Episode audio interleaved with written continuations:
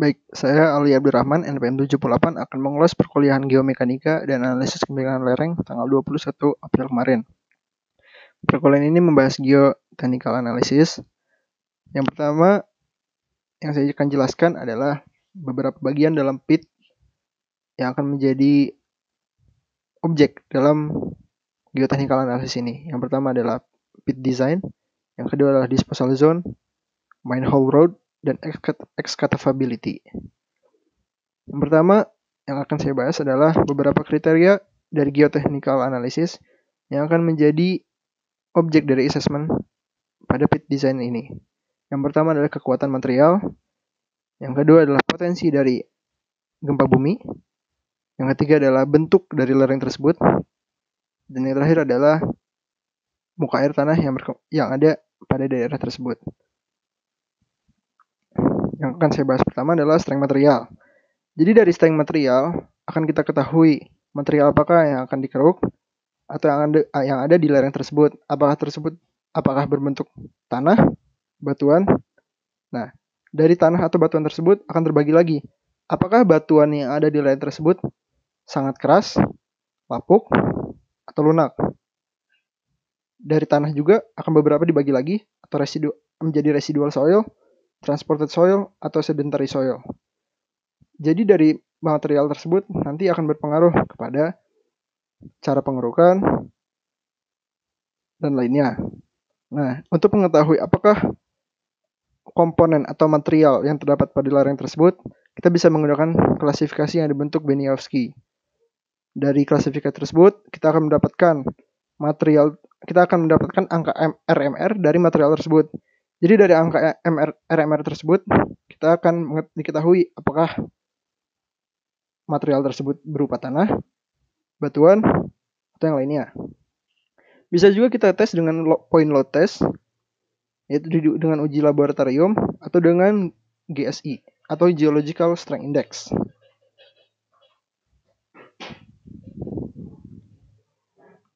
Selanjutnya, kita akan bahas slope stability analysis.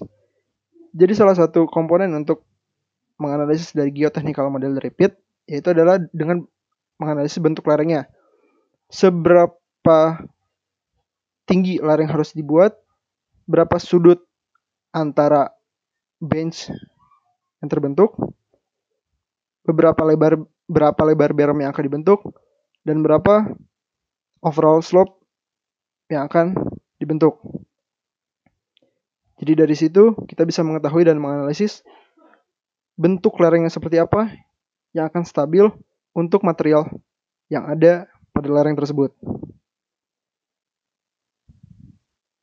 Yang ketiga adalah hubungan curah hujan dengan lereng tersebut sehingga curah hujan bisa menambah muka air tanah yang mungkin sudah ada atau terdapat pada lereng tersebut.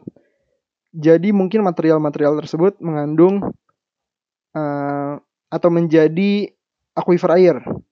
Sehingga ketika hujan turun, maka volume air hujan dapat menambah volume dari uh, air tanah tersebut. Maka dari itu saluran atau lapisan aquifer tersebut harus diturunkan muka air tanahnya agar tidak mengganggu kestabilan lerengnya.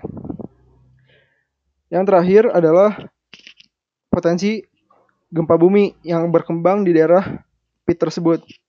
Apakah terdapat potensi gempa bumi atau tidak ada? Sebaiknya potensi uh, daerah pit tersebut haruslah jauh dari sumber-sumber atau sesar-sesar aktif yang di, uh, yang diidentifikasi dapat menimbulkan gempa bumi. Objek yang kedua yang akan saya bahas adalah disposal area. Disposal area itu membahas mengenai alas dari pembuangan atau area pembuangan yang akan menampung material yang terbuang dari lereng yang telah dikeruk.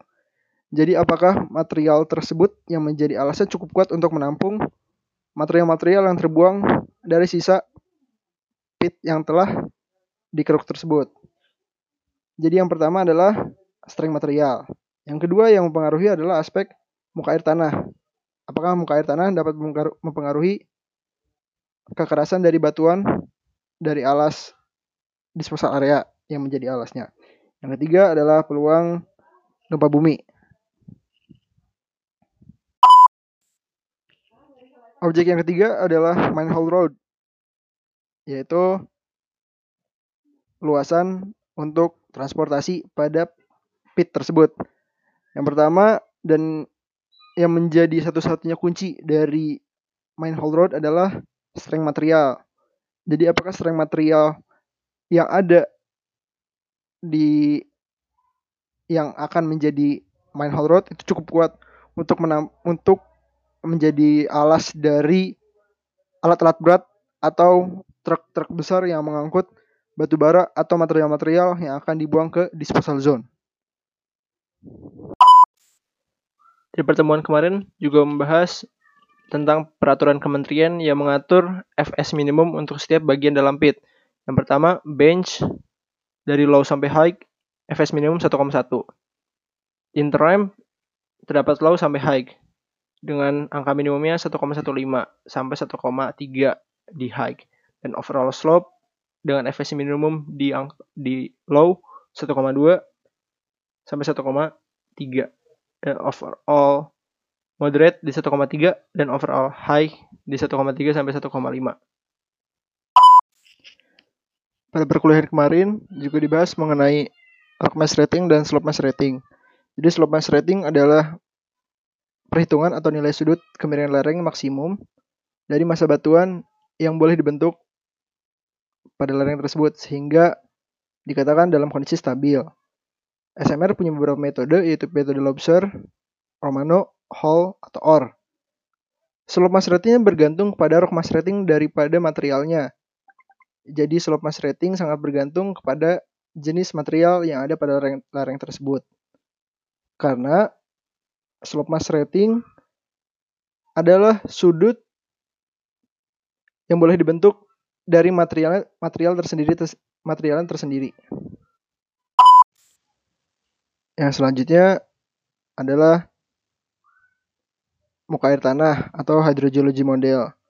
Jadi di dalam pit design, jika muka air tanah di atas daripada bahan galian, maka air tanah tersebut atau harus diturunkan demi keamanan dari lereng tersebut.